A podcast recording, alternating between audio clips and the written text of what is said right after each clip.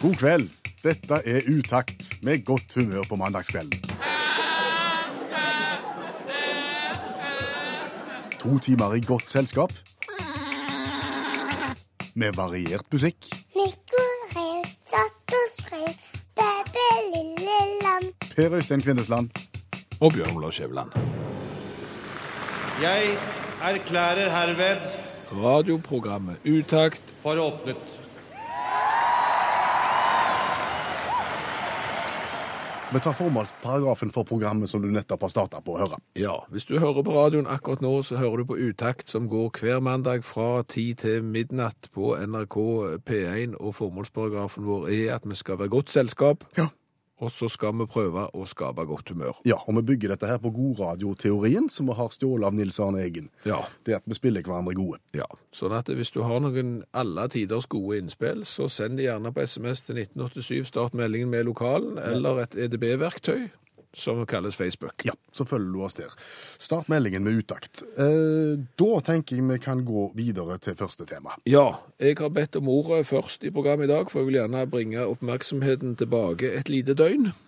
Til søndag. Ja, og fortelle hva jeg gjorde da. Hva opplevde du søndag, Skjæveland? Eh, På søndag så sto jeg opp hvert på syv. Det er greit å komme opp på nytt av dagen, for vi skulle møte hvert over syv og kjøre fra ja, Ålgård, som er i, eh, I Rogaland. i Rogaland, til Haugesund, som også er i Rogaland, men du må ta båt. Ja.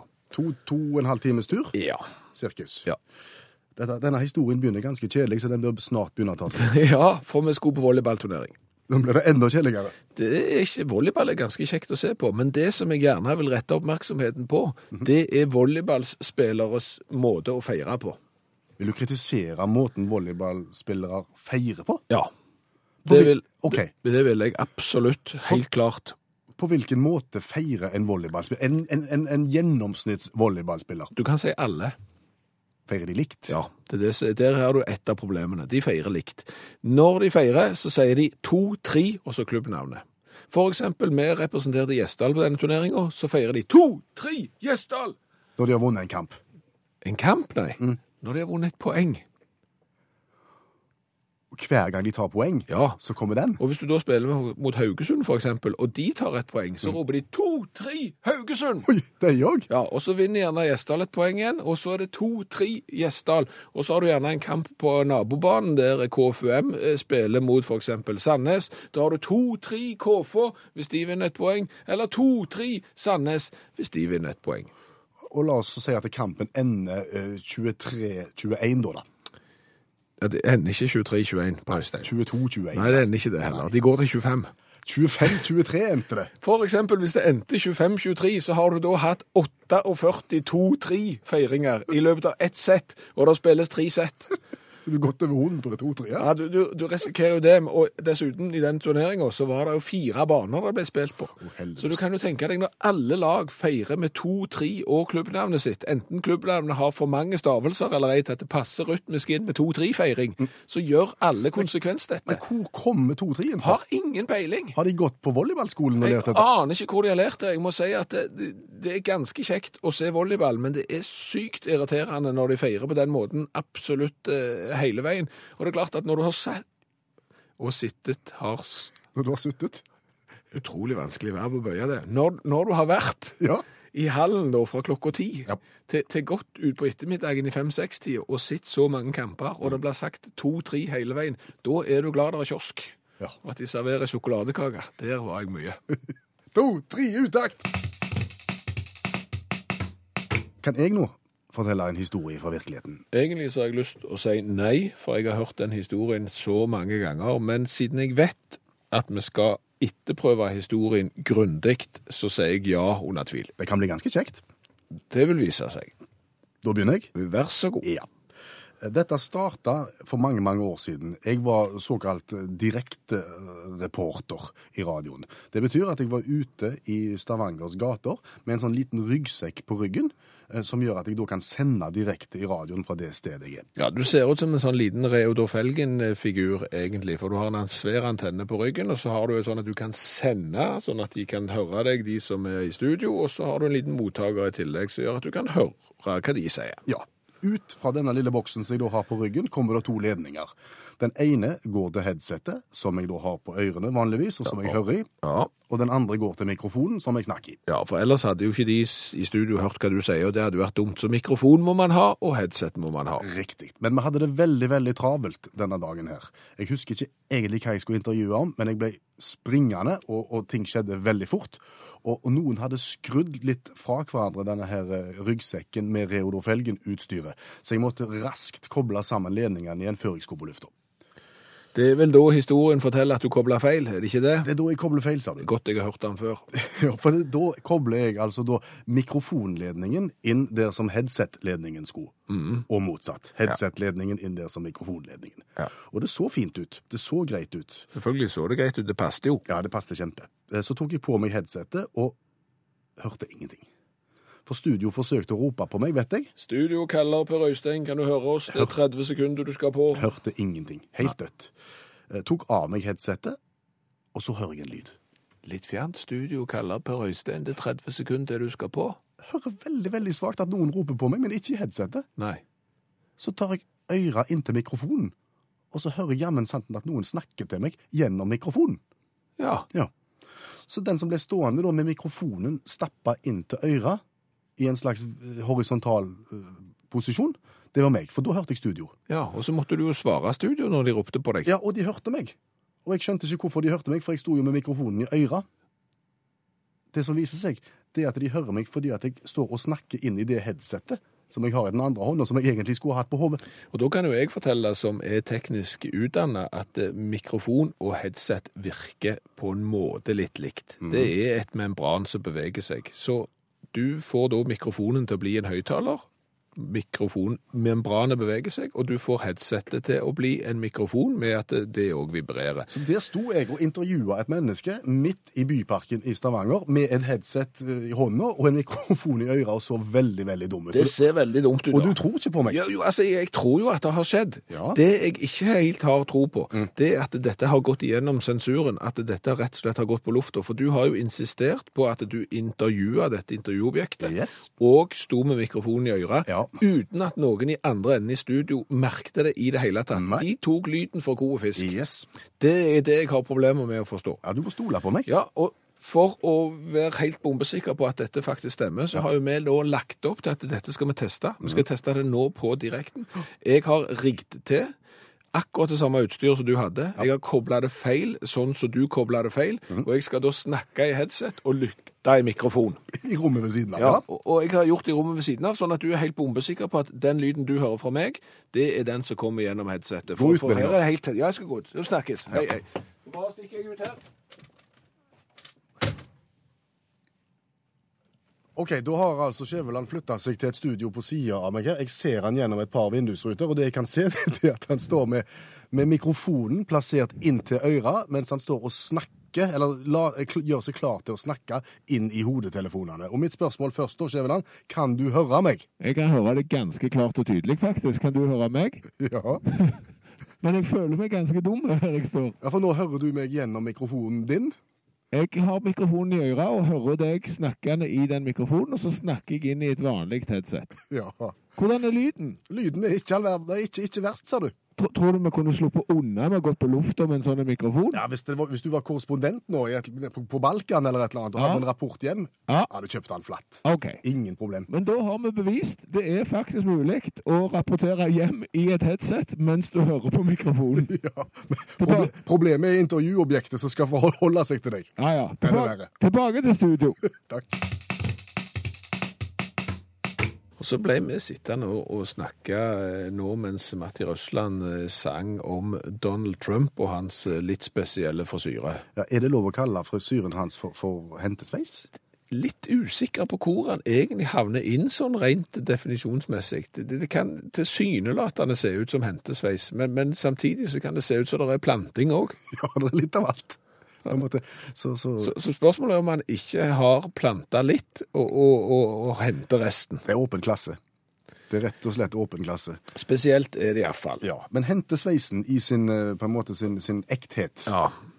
lever den ennå, eller er den i ferd med å forsvinne? Jeg føler at den er i ferd med å forsvinne. At det var mer henting før. Er vi lei oss for at den forsvinner? Hvis du spør meg helt personlig, så, så vil jeg jo si nei. nei. Fordi at eh, vi lo vel mer av enn med hentesveisen, tror jeg. Ja. Det må, det må være lov å si. For han hadde vel en tendens til å gjerne se ekte ut i speilet for den som har lagd den. mm. Men for oss som sto ved siden av, eller helst bak, eh, så så han vel ikke så ekte ut. Nei, og veldig lei i vind. Ja, spesielt Sidevind er ikke godt i det hele ikke godt med hentesveis.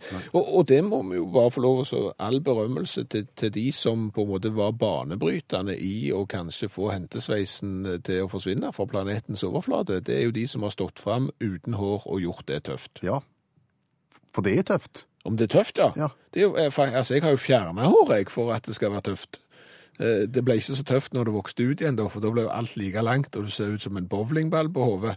Men det var tøft i det lille øyeblikket du ikke hadde noe, syns jeg. Se for deg Bruce Willis med hår. Nei. Det er ikke spesielt. Det er Altså. ikke så tøft. Da, da kan ikke han eh, liksom komme med de frasene som han har i, i Die Hard-filmene hvis han hadde hatt hår. Sånn at det, han hadde litt hår i den første. Men, men du, du blir ikke så tøff. Og det er mange som er mye tøffere uten hår enn med. Ja. Men en liten honnør til han som fant opp hentesveisen, for du skal komme på det. Du skal komme på det? Ja. Vet du hva, jeg har ikke hår der, men vent, jeg har ganske mye en annen plass. Du som hører utakt vanligvis mandagskvelden, vet at vi alltid får besøk. Du som ikke har hatt for vane å høre utakt, du skal vite det at vi pleier å få besøk. Ja, av allmennlærer Olav Hove. Han har to vekttall i musikk og snakker om de tingene vi ikke har greie på. I dag så tror jeg, Olav, at vi skal kalle deg for Hestehoven. Vi kaller deg rett og slett for Hestehoven. Fiffig ordspill, fordi at vi vet at du i helga har vært på Oslo Horse Show og sittet på sprangridning sammen med dattera di. Ja, og, og du har en del forslag til forbedringer av nettopp denne sporten. Ja, og det handler da i første rekke om navn på hester, sant, Hove? Der har jeg mye å jobbe med, altså. Forbe okay. Forbedringspotensialet. Ja, når du har hester som heter Hennes og Maurits All In, eller Ryanair The Riverland, eller Acoustic Solo de Balobé, så det er klart det er vanskelig på innhegningen å rope inn på, eller Chin-Chin van der Lindenhof, eller Fatum van der Vrombatsjove. Altså, det er vanskelig å rope. Men, men har hestene rett og slett kommet så langt som fotballstadionene har nå, at du har liksom Reebok Stadium, og så har du òg liksom Reebok-hesten og Coca-Cola-hesten? Og... Ja, det ble det. Så det er tydeligvis jo Hennes og Maurits og Ryanair er tungt inne. Ja. Billige hest, den der eh, Ryanair. Ryanair. Hest, Hesten med litt mindre håndbagasje. Ja, ja. Eh, Hvor andre plasser mener du at sprangridningen har eh, forbedringspotensialet? Nei, det er først og fremst premieutdeling. Eh, der er hester dårlige. Det er såpass dårlige hester på premieutdeling at det er nesten ikke til å tro. Det er litt skulddeling mellom de som arrangerer premieutdelingen og hestene, da, men, men allikevel. Fordi at eh, Her er den klassiske. sant? Her har de fått inn en kompetanseperson til å bestemme hvordan skal vi ha premieutdeling innenfor sprangridning. Få tak i en fra skøytemiljøet, vet du. La oss si f.eks. Eh, Rinche Ritzma. Han har sagt jeg tror vi gjør det akkurat som på skøyter. Er det pall? Nei, det er ikke pall, det eneste. Men vi defilerer inn, ikke sant? Så har vi premieutdeling, så har vi nasjonalsang, og så har vi æresrunde. Ja. Og så ingen nei-folk på brainstormingen, og så blir det vedtatt. Og så er det sånn at det er jo sikkert 100 hester som hopper i en sånn konkurranse, og så de fem beste får premie. Og de har ikke fått mat. Så når de skal defilere inn, da, så er de litt sånn fysende. Lavt blodsukker, øser seg opp litt. Ikke spesielt, eh, ikke spesielt gira.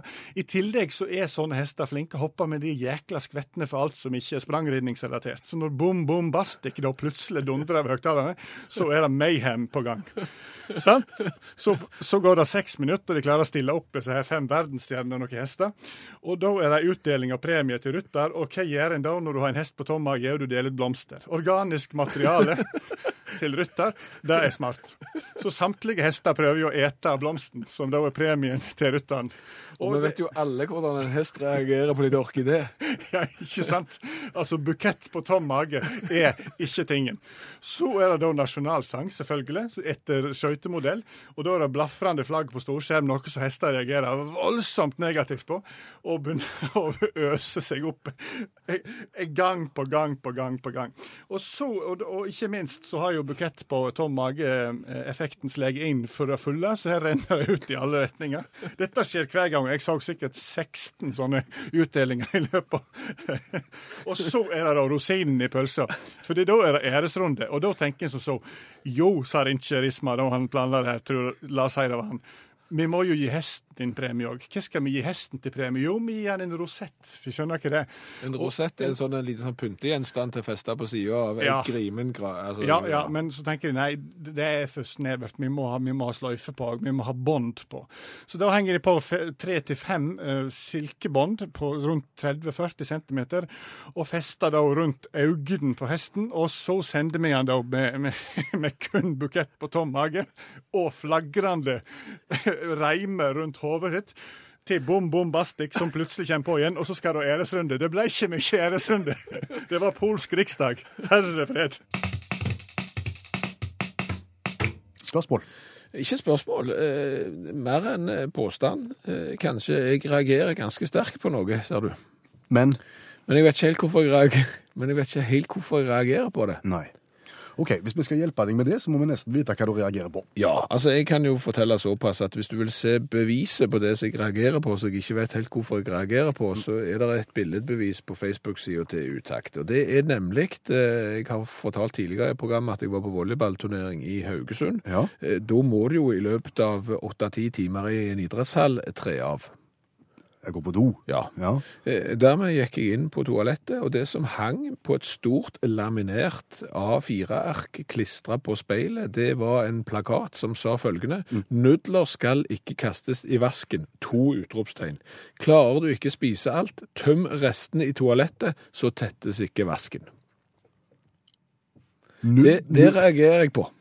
Ja, fordi Jeg vet ikke helt. Men, men, men det, ja, Vi får plukke det ned til bestanddelen. Ja, det, det første er jo at jeg tenker, når du henger opp et skilt der du oppfordrer folk til å ikke gjøre noe, så må du oppleve det som et problem. Det må være noe som er gjentagende. det har vært en regelmessighet i dette her. Ja, det er ikke noe som skjer én gang, og så henger du opp plakat. Det er en vaktmester der som har sagt at vet du hva, nå er jeg så dritlei av å få få nudler i drensen at nå, nå må det bli en slutt på den nudelkastingen i vasken. Ja, og, og Og hva er nudler? nudler. Ja, det er litt sånn krøllete spagetti. Små, tynne. Ja, det er asiatisk krøllet eh, små spagetti eh, som bare trenger koke i et par minutter, så hiver du på noe som gjør at det smaker som noe annet. Eh, Det er nudler, og det tror jeg. Men, men, men, men det betyr jo at det må ha vært en ganske gjentagende, som du sier, kasting av nudler i vask. Ja. Og, og, og hvorfor blir det da solgt nudler, tenker jeg? For dette her er en idrettshall, Ja. eh, som jeg tror òg er litt sånn kombinert eh, Vi skal ikke si kulturhus, for det er det nok ikke, men jeg har inntrykk av at det var både ungdomsklubb og sløydsal Ja. i dette bygget. Så, så det inneholdt mer enn bare idrettshall. Og ungdommen liker nudler, Skjæveland. Ungdommen liker disse her boksene fra Mr. Lee, som de kjøper, eh, og som de bare varmer litt i mikroen, og så har de sikkert måltid. Fikk du ikke kjøpt de i, i kiosken? Nei. Jeg, har- sokna til sjokoladekaker, og det syns jeg holdt mer enn Ja, godt nok. Men, men, men, ja, men, du kan jo tenke deg altså, at hvis da, da må jo de For det første så må det jo være sånn at ungene da er såpass småspiste at de ikke klarer å spise på en vanlig nudelpakke. Dette ligger òg til grunn i denne greia, sant? Ja. For dette er jo sånn, det er overskuddsnudlene som havner i vasken. Ja. Ok. Og så er jo spørsmålet, hvorfor tenker du at det er en god plass i vasken? Fordi at hvis dette, og nå- nå er vi igjen med vi er nede på å plukke ned til bestanddeler her, Ja. at hvis dette er gjort såpass ofte at noen er nødt til å henge opp et varselskilt, så vil det si at de som hiver nudler i vasken, må ha opplevd at andre hever nudler i vasken. Og at det ble tett, ja. Ja, og dermed så har du kommet inn med din nudelpakke for å hive din nudelpakke oppi vasken der det allerede ligger nudler, og du ikke får skylt ned fordi at det er tett fordi det allerede ligger nudler. Dermed så bør du slutte å hive nudler. Eventuelt slutte å kjøpe nudler. Eventuelt spise opp maten din, sånn som jeg er vokst opp. At du spiser det du sjøl har servert deg, og hvis du har kjøpt en pakke med nudler, så får du søren meg ta oss og spise. Jeg skal tro, eh, på en måte så skal vi være glad for at dette her er i en idrettshall og et sånn dugnads, knytta til en sånn dugnadskiosk. Tenk om du hadde fått den på restaurant, på, på f.eks. en kinarestaurant eller en thai-restaurant på, på badet der. Hvis du, hvis, hvis du kommer inn fra en eller annen ting, Ming Sing-greie, og, så- og så er vasken full av nudler, Ja. da, da hadde du tenkt dette er en kjempegod restaurant. Folk er så redde at de tør, de tør ikke legge igjen mat på tallerkenen. De går og hiver det i vasken istedenfor. Og så går vi rett i gang med dagens konkurranse. Ja, det er rett og slett den spørrekonkurransen der du vinner uansett hvordan det går. Det eneste du trenger, det er å argumentere i SMS-form hvorfor nettopp du skal få lov til å være med. Ja, for vi er opptatt av indre motivasjon. Ja, enten at vi kan være en indre motivasjon for deg, eller at du kan være en indre motivasjon for oss, eksempel. Mange har meldt oss i kveld med, med gode grunner til at de skal få være med i konkurransen, men vi falt for Anders i, i Trondheim. Ja, litt medynk, rett og slett. Anders, som skriver, har operert øynene mine i dag, sitter her med mørke briller. Hvordan føles det, Anders? Jo, det går bedre og bedre. Synet begynner å øh, komme tilbake til normalen, så det går øh, veldig fint. Flott. Og så er det jo radio som har de beste bildene, har vi lært. Ja, ja, ja. Det er klart. så, så, så foreløpig så trenger du det ikke. Hvorfor har du operert øynene? Nei, jeg har tatt en sånn linsebytte for å bli brillefri. Å, er det Måtte du, eller var det litt sånn forfengelighet i bånn her, eller var det Neste spørsmål. OK. Neste spørsmål. Ja, neste spørsmål. Har du hørt konkurransekonseptet før, Anders? Ja, ja, hver uke. Flott, da kan du det. For deg som hører på nå som ikke kan det, så skal Skjæveland kort gå gjennom reglementet. Seks spørrebøker ligger foran meg. Vi velger vilkårlig en av de. Så velger vi vilkårlig et spørsmål, og så svarer gjerne Anders rett, og da er det gladjodling. Så kan det hende han svarer feil, og da blir det tristjodling. Men uansett så skal der ei T-skjorte av gårde nordover med vedhals. Yes. Skal vi rett og slett bare gå i gang, Anders? Nå skal du få velge fra én til seks, og så skal vi finne første spørrebok i aften. Ja, vi tar nummer fire. Nummer fire. En, to, tre, fire. Det er den blåe feriequiz. 1000 spørsmål og svar for hele familien. Og Det, det er litt om alt, det. det er litt om alt, og der er det 208 sider å velge og vrake i. tar vi nummer 14. Da går vi inn i starten av boka til den kjekke Oi, oi, oi, dette er gøy. Musikk. Ti spørsmål om musikk. Hvilket vil du ha? Hvor mange spørsmål sa du? Det er ti. Ti, ja. Da tar vi nummer øh, seks. I hvilken by holdt a-ha en konsert for 198 000 betalende tilskuere i 1991, og som er en del av en rockefestival? Ifølge noen så er dette en verdensrekord. Måtte jo være i Rio, da. Tilleggsspørsmål. Eh, Hvor var a-ha nylig og gjorde akkurat det samme en gang til? I Rio. Dobbeltrett, Anders. Ja, skal vi, vi skal ta enda et oppfølgingsspørsmål som er kanskje enda vanskeligere. På den konserten i Rio satte a-ha sammen to av sine mest populære sanger til en medley på ni minutter. Hvilke sanger var det? Take on me. Og øh, den andre. Oi. I've Been Losing You og Crywolf var det. Den er Ja. dødsbra fra den konserten der. Den er kjempebra. Okay. Men det var bare et eh, digresjonsspørsmål. Kommer ikke med i, i tellingen her. Nei, nei, det gjør det Det ikke. er bra. Ny spørrebok. Da legger vi vekk den og har fem spørrebøker igjen. Da tar vi nummer én. Nummer én det er da spørrebok for leseglade damer. Passer bra. Er du glad i å lese òg? Ja, ja, ja. Gjerne kvinnelitteratur? Mm, tja. Tja.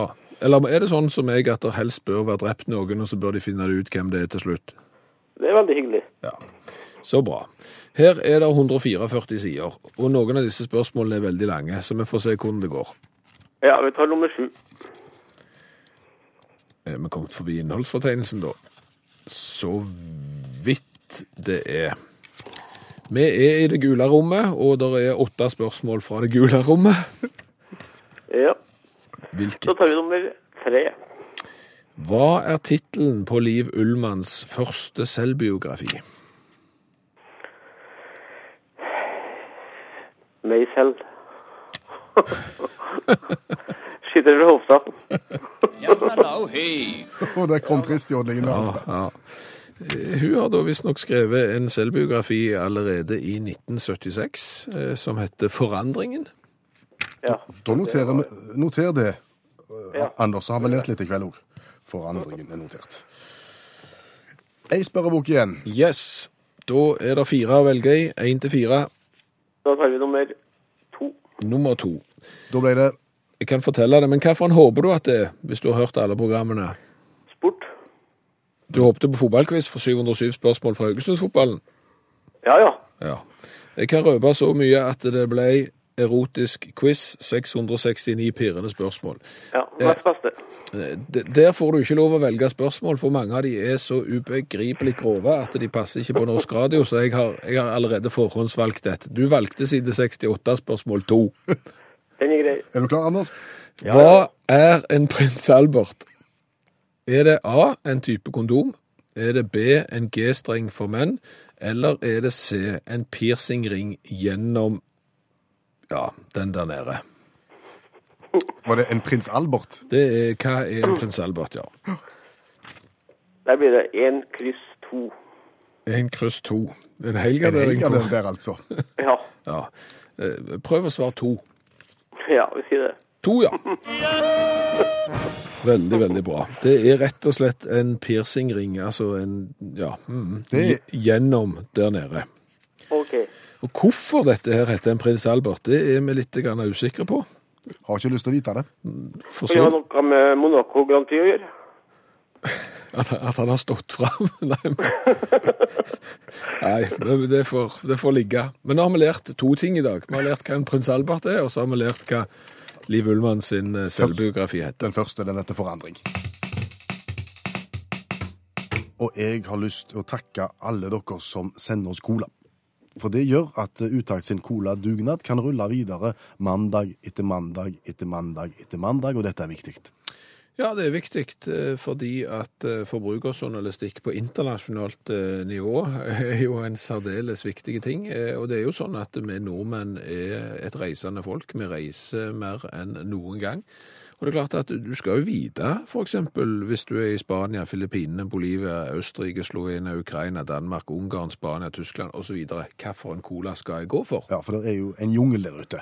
Å ja. Og, og vi vil jo anbefale alle som skal ut og reise, i tillegg til vaksiner og, og, og disse her vanlige tingene som du må igjennom, gå innom Facebook-sida til Utakt og gå gjennom colatesten vår. Så kan du da se noen cola som har fått god score, og hva som har fått dårlig score, hva du skal styre utenom. Ja, og i dag skal vi til et land som, for å si sånn, har bare én vei å gå når det gjelder cola, og det er Sør-Korea. De har kanskje den vondeste colaen som finnes i hele verden. Det er en såkalt Mekol. Den, den har vi vært borti, ja. Ja, den har da noe sånn byggekstrakt oppi, og, og smaker bokstavelig talt gammelt brød. Og den ligger helt i bunnen av vår test, og vi har vært gjennom en 40-50 variant etter hvert. Ja. Den skal du unngå. Men, men, men har Seoul, eh, har eh, Sør-Korea noe annet å by på? Eh, Valborg har vært innom hos oss med en liten boks. Ja, liten, bokstavelig talt. 190 milliliter. Liter. Det er jo knapt til noe. Nei, det er en munnfull. Men det som er litt ugreit her, er at vi er litt grann usikre på hva brus vi faktisk sitter med. Jeg tror, og derfor så sier vi at det er det, for, for vi tror det er en Lot Choice Cola mm. fra, fra bryggeriet Lot Chilsung. Ja. Du skal vite det at bokstavene i Sør-Korea er litt vanskelige. Ja, så når du søker på et internett, så kommer det plutselig noen tegn som du ikke forstår, og, og da må du bare gjette. Men jeg tror det er fra Chilsung, som begynte med sider i 1950, og som siden den gang har bygd seg opp til å bli en stor produsent av læskedrikk eh, i Sør-Korea. Ok, Og Choice-colaen er da en del av sortimentet. Ja, de, de lager også Pepsi-Cola og sånn på lisens. De lager andre ting på lisens, tror jeg, eh, men det her er da deres egen. Ok. Skal vi smake på den? Rett og slett. Da åpner vi den skvettlille boksen, Ja. og så smaker vi. Og så gir vi karakter fra 1 til 10 for smak, og så gir vi karakter fra 1 til 10 for design, det vi kaller kulhetsfaktor. Vil du bli sett på bar i Seoul med en liten eh, Choice-colaboks? Med lukter, og Den lukter veldig cola.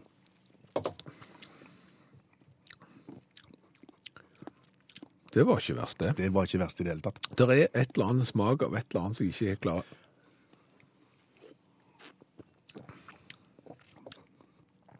Her, her tror jeg nesten at her kunne jeg blitt lurt med originalen.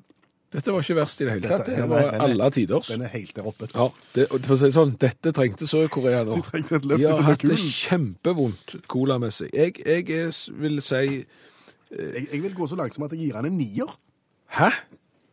Dette er, den, dette er den beste smaken jeg har hatt av samtlige vi har vært igjennom til nå. Jeg vil si broen over Kvei-colaen var bedre. Sier du det? Ja, så jeg gir syv. Så er det jo det vanskelige. Hvor kult er egentlig dette? Jeg vil jo si at det er et hån mot folk som liker kullsyre, å lage noe som er så lite som 190 milliliter. Ja, altså, det er altfor lite. Der må dere ta sjølkritikk i Seoul. Det er parodisk. Ja, men- Så har de gått for den samme fella som mange andre har gjort. De har gått for rød boks med hvit skrift. Den skal ligne på originalen. Det er òg en tabbe. Og dessuten så har de jo fulgt den med en hel haug med tegn som er komplett umulig å forstå. Ja, altså Du kunne kjøpt den der og trodd det var tomatpuré. Ja, du kunne nesten det. Ja. Sånn at det kunne dere ikke skrevet Nei da, jeg skal ikke rakke ned på språket, men, men det å etterligne Cola Box eh, trekker veldig ned her. Det må jeg bare si. Pluss størrelsen. Ja. Så jeg er vi må ned på en femmer der, altså. Jeg går helt ned til tre, jeg. Og du gjør det? Ok. Fem og tre, og det blir 17, og det blir 24. Det blir jo bra poengsum uansett her, altså. Det blir fire poeng, og det er 24 da, poeng? Ja, det er en delt fjerdeplass. Det må vi si må være et comeback for Korea. Endelig fikk De har ikke hatt det så kjekt i Korea. Altså Nå for å si det sånn, nå kommer de til å flage der nede. Og Nord-Korea kommer til å bli sure på Sør-Korea, for de har fått 24 poeng i, i colatesten til utakt. Hvis noen kan skaffe oss cola fra Nord-Korea, så skal vi smake på den òg. Spørsmål? Ja, egentlig ikke, men eh, hvis jeg skal lese høyt eh, fra ei ordbok her, så vil jeg gjerne få lov å lese høyt fra bokmålsordboka. Da leser vi høyt fra bokmålsordboka, og vi reiser oss. Det står skrevet i bokmålsordboka under P, linje 1. Ja. Premie, Premie. belønning, pris. Hun vant mange premier i turn. Det var sølvtøy i premie. To, premie, gevinst, store premier i tipping. Akkurat du leser noen definisjoner og andre, andre eh, altså, synonymer til uttrykket premie, ordet premie. Ja, Ok, Men visste hva premie var? ja selvfølgelig visste du det. Ja. Så hvorfor i all verden driver vi og betaler for forsikringspremie da? Ta de definisjonene en gang til. En belønning, pris eller en gevinst? ja.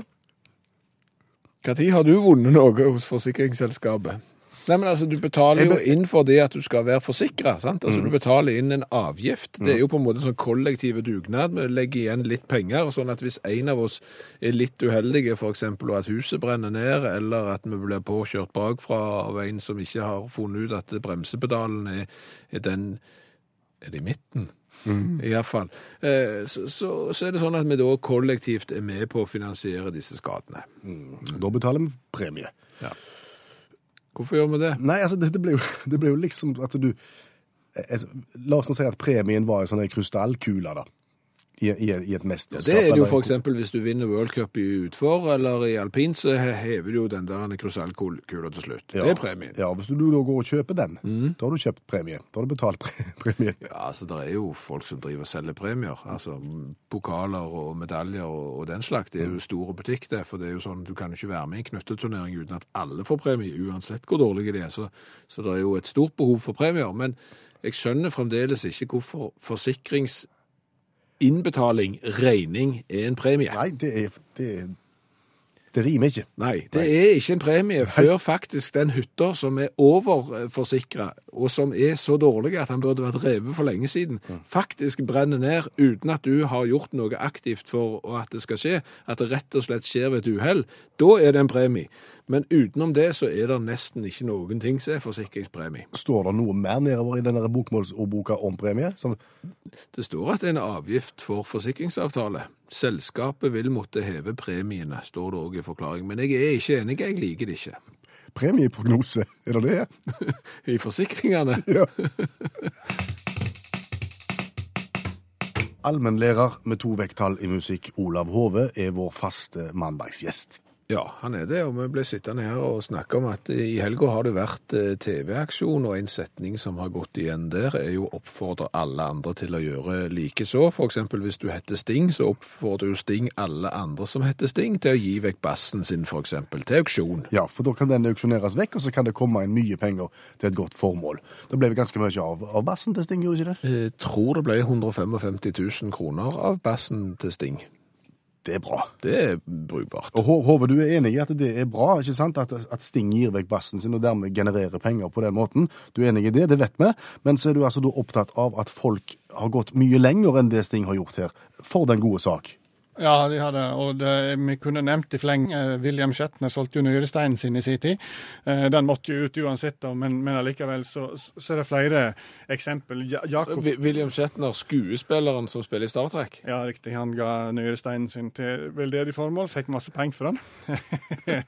men, eh, men iallfall Han ofra litt, da. Det Ja. var smertefullt. Ja. Jacob French fra Australia han gikk i Australia på tvers i ikke Darth Vader-kostyme, for han begynte med det, men fikk nei fra legene. For det er jo hett å gå i Darth Vader-kostyme, så han gikk i sånn Stormtrooper-kostyme tvers over Australia. De, de hvite draktene fra Star Wars-filmen, ja. Ja, Det er fortsatt hjelm, og det er fortsatt 40 grader i Australia. på Og det er sommeren. fortsatt veldig langt. Ja, det er fortsatt dritlangt. Så han hadde heteslag 12-15 ganger. For å, å få inn penger til den gode sak. Ja, det var, det var, var syke barn på et sykehus, eh, lokalt sykehus sådan. Eh, Kina- Kina med Teiken, hun, eh, hun, hun, hun, eh, hun gikk i samme kjole i ett år for å skaffe penger til fattige barn og utdanning. Leon Lott, festlig sheriff fra Richland County, han hadde sånn egen sånn, eh, innsamling for gode formål. Han sa at for hver 1000 dollar som ble innsamla, skulle han ta en sånn skudd med sånn elektropistol i brystkassen. Sin egen. Ja. Det var selvfølgelig en del lokale gangstere som slo til med 10 000 umiddelbart, så, så Leon har jo aldri vært den samme etterpå. Eh, eh, men, når, når det, men skal jeg virkelig snakke om å ofre seg, så må vi rett og slett eh, bruke denne helga. Og, eh, og Jack Whitey fra Calmore, det er sør i England, han, eh, han har virkelig, han har virkelig ofra seg. Han har virkelig gjennomgått smerte. Har de hatt TV-aksjon i England òg denne helga? Nei, han, nei, de har ikke det, men han er veldig opptatt av å støtte diabetes. Ikke støtte diabetes blant unge, men gi penger til forskning da, for diabetes for unge. Og han er Så søtt. Spar deg. Gå videre, da. Ja, han, han, eh, han hadde da mange forslag, tror jeg, med både spikermatte og glødende kull, og en men eh, han enda opp med at han la seg inn på Highfield House Hotel i, i Portswood i Southampton på fredag ettermiddag. Det er denne fredagen, altså. Uh, um, og, og, og, og der hadde han bestemt seg før. Han skulle ikke snakke med noen, han skulle ikke se på TV, han hadde ikke lov å ha mobil med seg. Det eneste han fikk ete, var havregrøt, ris og vann. Han fikk ikke lov til å nynne. Han fikk ikke lov til å snakke, han fikk ikke lov til å kommunisere med noen annen. Eh, eh, Det eneste han gjorde, eh, utsette seg for, og dette er grusomt, hold dere fast, det var å høre på 'Never Gonna Give You Up' med Rick Ashley i 75 timer. Ja, for, for, for jeg begynte å lure her. For det første hørtes ut som en trivelig sånn hvilehelg helt for seg sjøl, uten noe inntrykk og bare litt dårlig mat. Det går jo, men liksom Ja, ja. Nå ble det plutselig fælt, ja. Ja. 75 timer med Rick Ashley var det planlagt. da. Gikk på en tung smell på lørdag ettermiddag og måtte gi opp eh, fordi at han påstod han hadde fått så mye hets på nettet. Det hadde han jo selvfølgelig ikke gjort. Rick Ashley sendte inn meldingen 'Dette er toppen og galskap'. Uh, Rick Ashley ser for øvrig endelig ut som at det stemmer og passer han. Eh, men, men, uh, men Jack White, han han, han fikk inn Han hadde hoppet og fått inn 2000 pund. 2000 pund fikk han inn første kvelden, så han var på en måte safe, da. Orka ikke mer Rick Ashley. Eh, hadde håpet han kunne få variere litt med å høre på frostmusikk, men, men Jack White har altså klart å skaffe penger til revmatisme. Eh, til tross for at han, eh, han ikke klarte å stå løpet ut. Hvor mye penger ble det, vet du det? Det ble ca. 6000 pund, altså tre ganger så mye som han hadde håpet på. Og så er det jo en fornøyelse å kunne irettesette allmennlærer med tovektig musikk én gang. Det er jo veldig sjelden vi får anledning til det, men mannen heter altså Rick Astley, og ikke Ashley. Heter han det, ja? Ja. Ja vel. OK. Skal vi høre på han? Hove? Nei. Astley. Astley.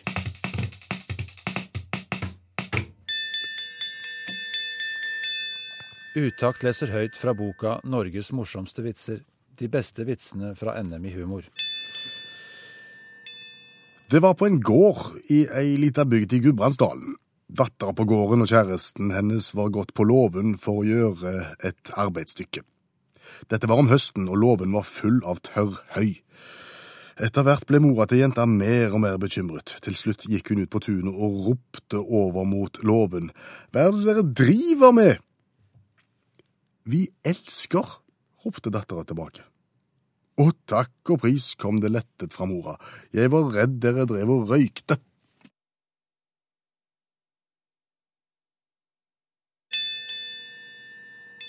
Du har hørt Utakt lese høyt fra boka 'Norges morsomste vitser'. De beste vitsene fra NM i humor. Du, Ja, Vi liker jo å si at Utakt er et innovativt eh, radioprogram der vi gjerne setter prosesser i gang som endelig eh, til slutt ender ut i noe som er genialt. Ja, det er i, i denne tenketanken utakt at uh, ting som solkremautomaten og brødristerbordet har oppstått.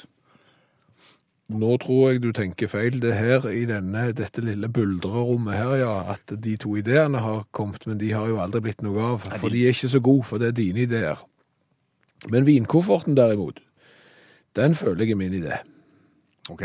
Eh, Vi etterlyste jo, og vi er mange, mange mange år tilbake, Ja. eh, en eh, koffert skreddersydd for transport av vin. For det er jo sånn at hvis du kjøper vin på den plassen du bor i Syden eksempel, så kan du jo ikke ta med deg den gjennom sikkerhetskontrollen eh, og inn i landet. Så du må pakke den inn i den vanlige bagasjen, og da begynner du gjerne å legge den i dongeribukser og pakke den inn i T-skjorter osv. Ja, Dette har svigerfar hatt eh, ordninger for lenge. Ja, Så dette har ikke vært noe problem Nei, men vi vet jo det at det finnes emballasje du da kan pakke inn i. Oppblåsbar emballasje, skumgummi-emballasje og sånn, som gjør at du kan eh, legge dette i kofferten relativt eh, trygt. Men det var jo ikke det vi etterlyste. Vi etterlyste jo en skreddersydd koffert. Jeg er jo eh, teknisk utdannet, og der har vi jo kofferter som er spesialsydd til enhver anledning, sånn at apparaturet passer akkurat oppi i formen av skumgummi, og det ligger trygt og godt. Og nå er altså kofferten kommet, som har Ja, jeg har ikke sett den før, iallfall. Før at jeg så den eh, nå nettopp på internett. Der har du da kofferten som er med plass til seks flasker. Polstra. Og det eneste den kofferten rommer, er seks flasker. Og da er de emballerte sånn at du bare slipper de nede i seks rør. Og så er det skumgummi overalt, og det er polstringer og hjul og alle tider. Og dermed så har du kvoten ferdig pakt. Ja, jeg tror du har kvoten. Jeg er litt grann usikker på de der nye kvotereglene, for de er blitt så utrolig vanskelige i forhold til i gamle dager. For nå er det vel sånn at hvis du ikke skal ha røyk, så kan du bytte den i to snus, men hvis du ikke skal ha snus, så kan du- du bytte den i én vin og, Og fire Ja, men da må du unngå brennevin. Ja, med mindre. Men du, Ja. vet du hva jeg òg har funnet nå når jeg har vært inne på internett og lett etter den der vinkofferten? Mm. Phil Collins Bridal Collection brudekjole til salgs. Phil Collins med PHIL, Phil Collins Bridal Collection brudekjole. Det er ikke Har vi lyst til å tenke på det? Det er helt utrolig hva den der vokalisten og trommeslageren får tid til. Hør flere podkaster på nrk.no podkast. NRK P3